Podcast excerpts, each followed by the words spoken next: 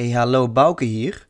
Om meer over onszelf te leren is het belangrijk ook het verhaal van anderen te begrijpen. Zo hebben wij bijvoorbeeld al stilgestaan bij het Spaanse wereldrijk en het Portugese handelsrijk en gezien dat het onmogelijk is de geschiedenis van anderen los te zien dan die van Nederland.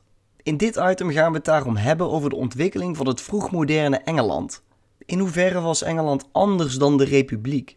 En hoe kon het dat een nieuw klein land als Nederland een veel oudere zeemacht als Engeland voor een poos de baas werd? En op welke manier heroverden de Engelsen hun plaats op het wereldtoneel? Dit en meer in deze aflevering.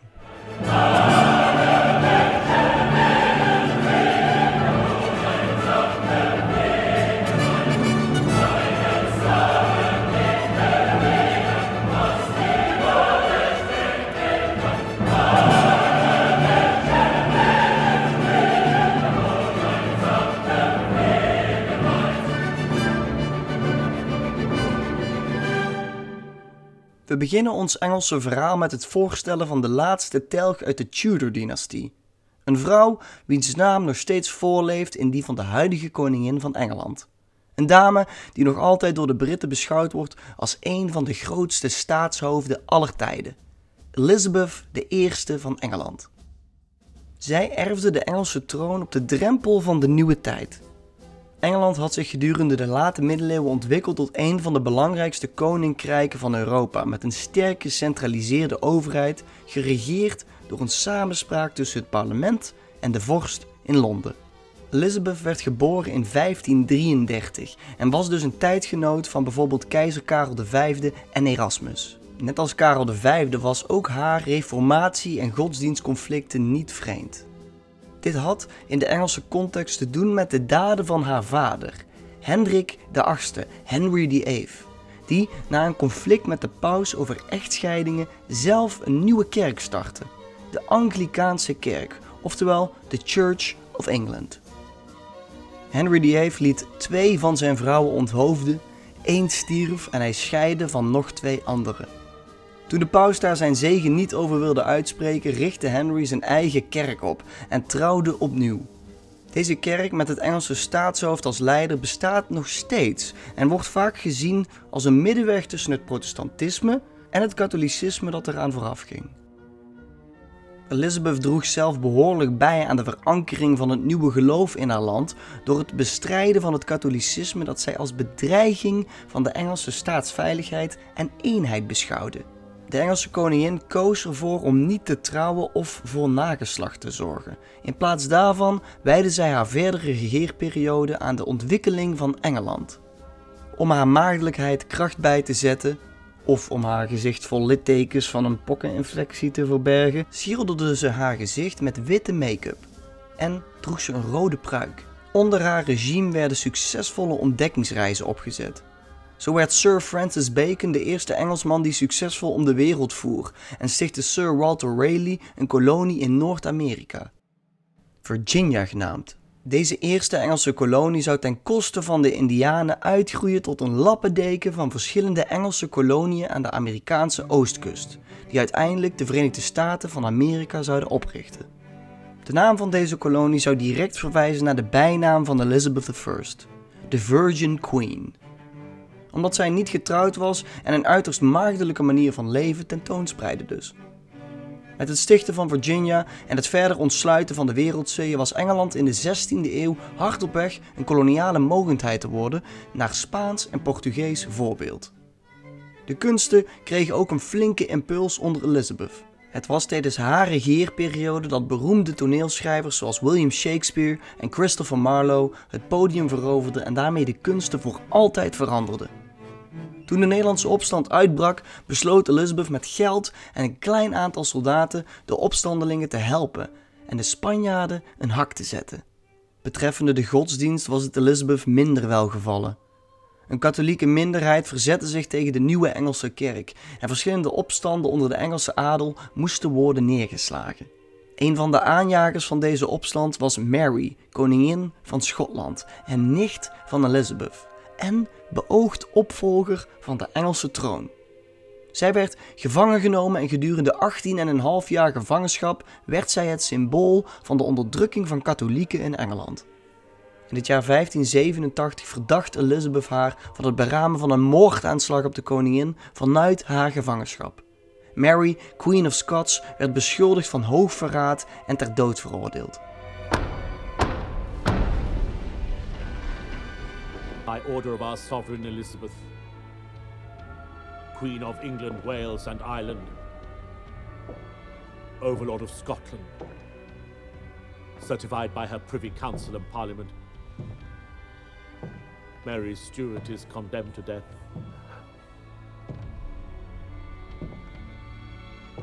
This day, February the 8th, the year of our Lord 1587.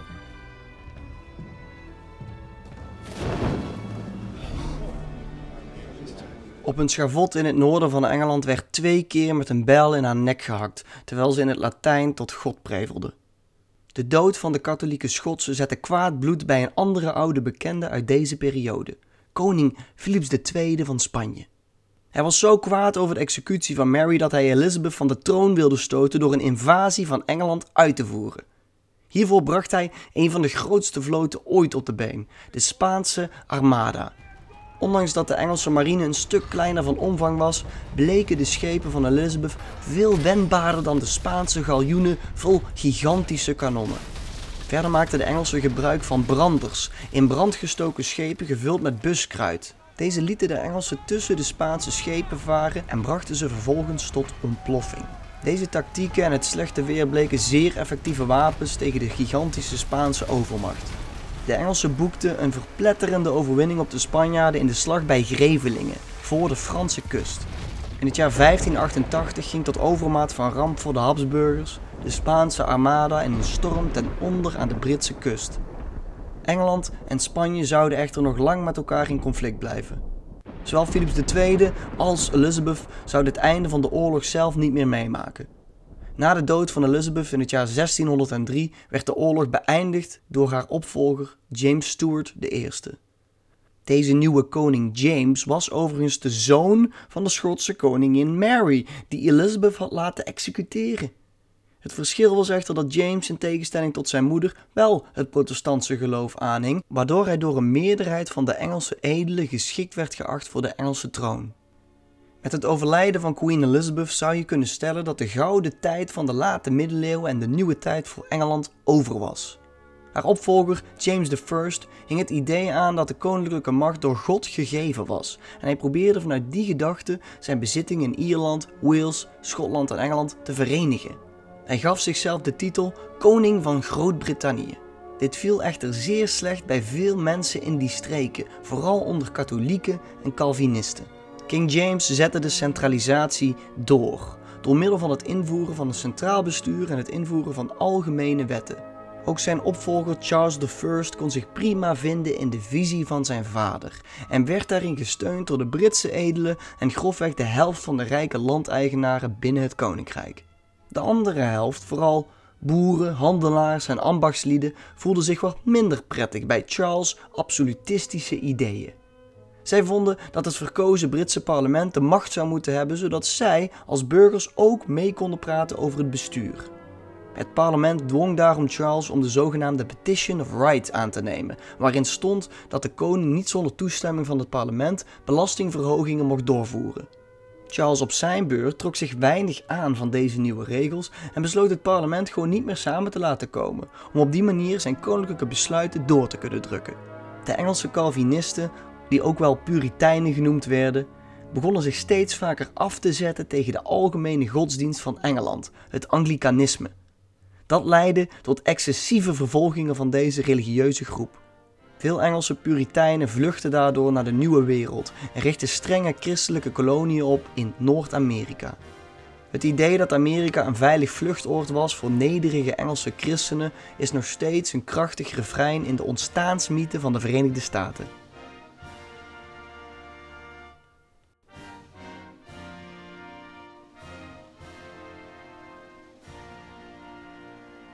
In Schotland kwamen de Calvinisten in opstand toen de Engelse koning Charles ook daar doorging met zijn hervormingen.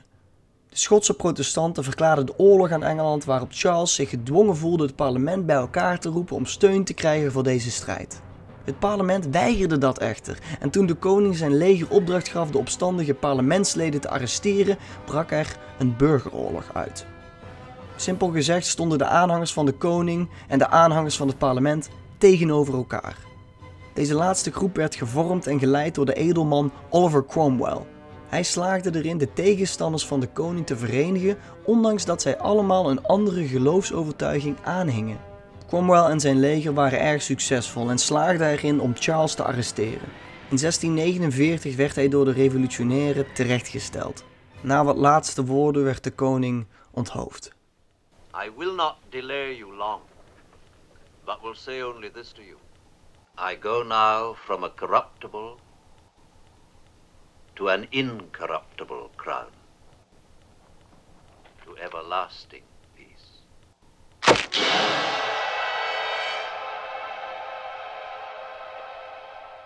In 1581 had men in Nederland een landsheer afgezworen waarmee zij de afschuw van Europa op hun hals hadden gehaald. In 1649 waren het de Engelsen die hun koning onthoofden en een golf van verontwaarding en ongeloof over het continent afriep. Na de moord op koning Charles I werd Engeland een republiek. De Engelse republiek functioneerde echter heel anders dan die in Nederland.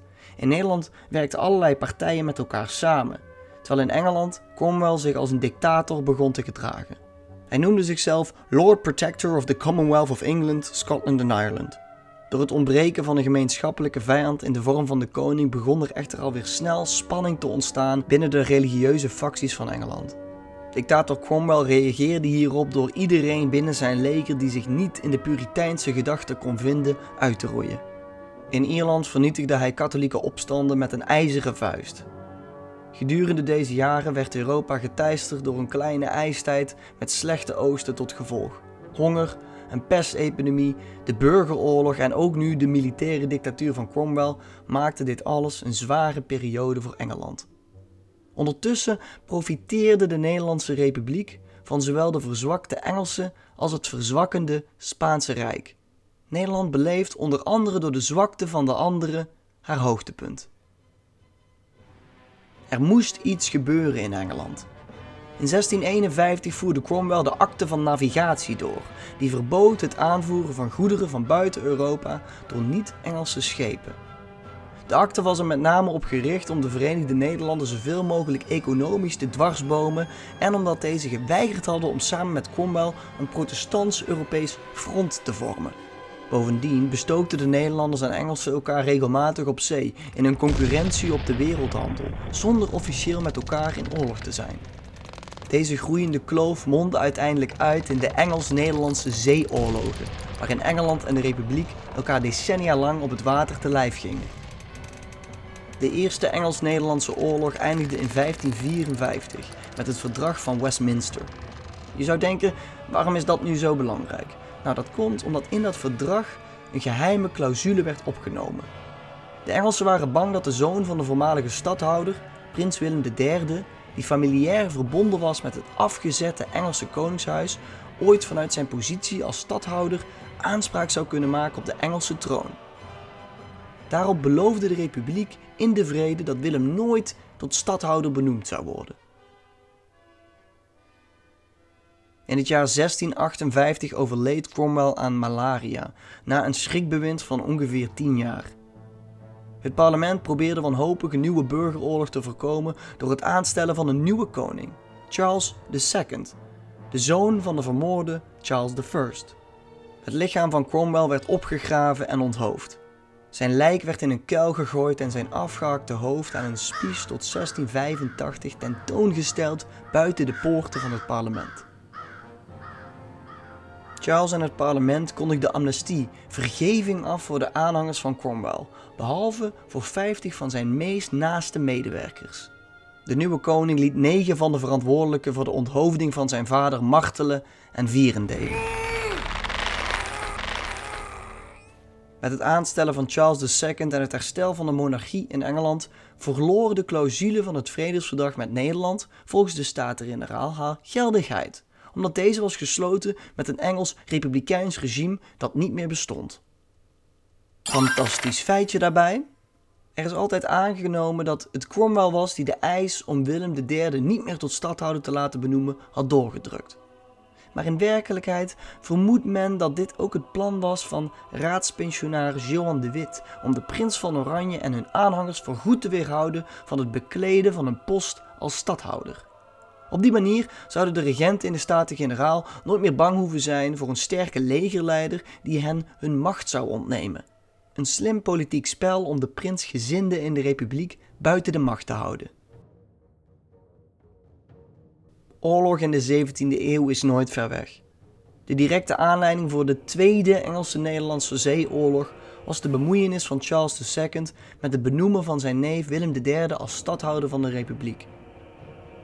Op de achtergrond speelden er nog andere zaken, zoals het voortbestaan van de akte van navigatie en de militaire botsingen van Engeland en Nederland in Noord-Amerika en in de Cariben.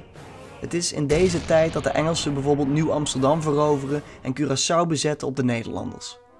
De Tweede Zeeoorlog zou uitdraaien op een regelrechte nederlaag voor de Engelsen. Admiraal Michiel de Ruiter, een Zeeuwse walvisvader die in dienst van de Republiek carrière had gemaakt totdat hij opperbevelhebber was van de hervormde Nederlandse oorlogsvloot, speelde hierin een hoofdrol.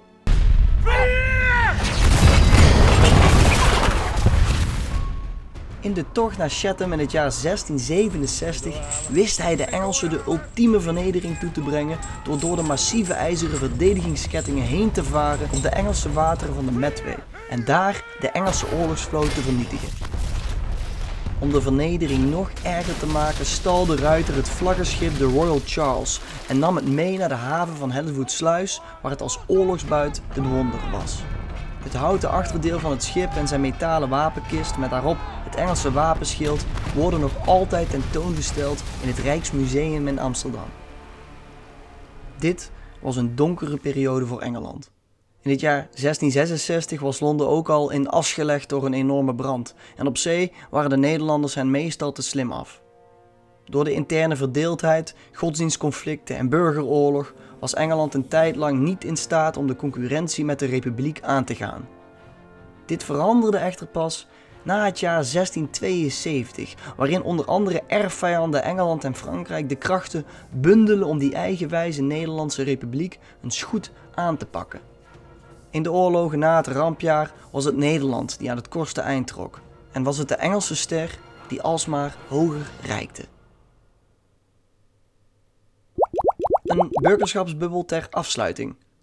Groot-Brittannië blijft tot op de dag van vandaag een aparte status houden in Europa. De eilanden hebben een roerige vormingsgeschiedenis achter de rug, maar is misschien wel meer met Europa verweven dan ze zelf zouden willen. De koloniale expansie die tijdens deze periode haar vlucht neemt voor de Engelsen heeft tot op de dag van vandaag weerklank. Net als de Republiek drukte Engeland ook zijn stempel op de wereld in de 17e eeuw, maar kwam pas later tot volle wasdom toen haar interne strijd gestreden was. Het Engels verving het Spaans in de eeuwen die volgen als wereldtaal. Na het rampjaar 1672, waarover later meer, gaat Engeland een steeds prominentere rol spelen op het wereldtoneel en wordt de basis gelegd voor de British Empire. Op haar hoogtepunt in 1922 was dat rijk het grootste rijk dat de wereld ooit gekend had. Besloeg het een kwart van al het land op aarde en regeerde het over 458 miljoen mensen. Maar nu lopen we op de zaken vooruit. Voor dat alles heeft Nederland nog een rol te spelen in Engeland. Namelijk in het verdrijven van de opvolger van Charles II door iemand die zich al een tijd in de coulissen van de geschiedenis heeft schuilgehouden. Prins Willem III van Oranje werd in 1689 koning van Engeland.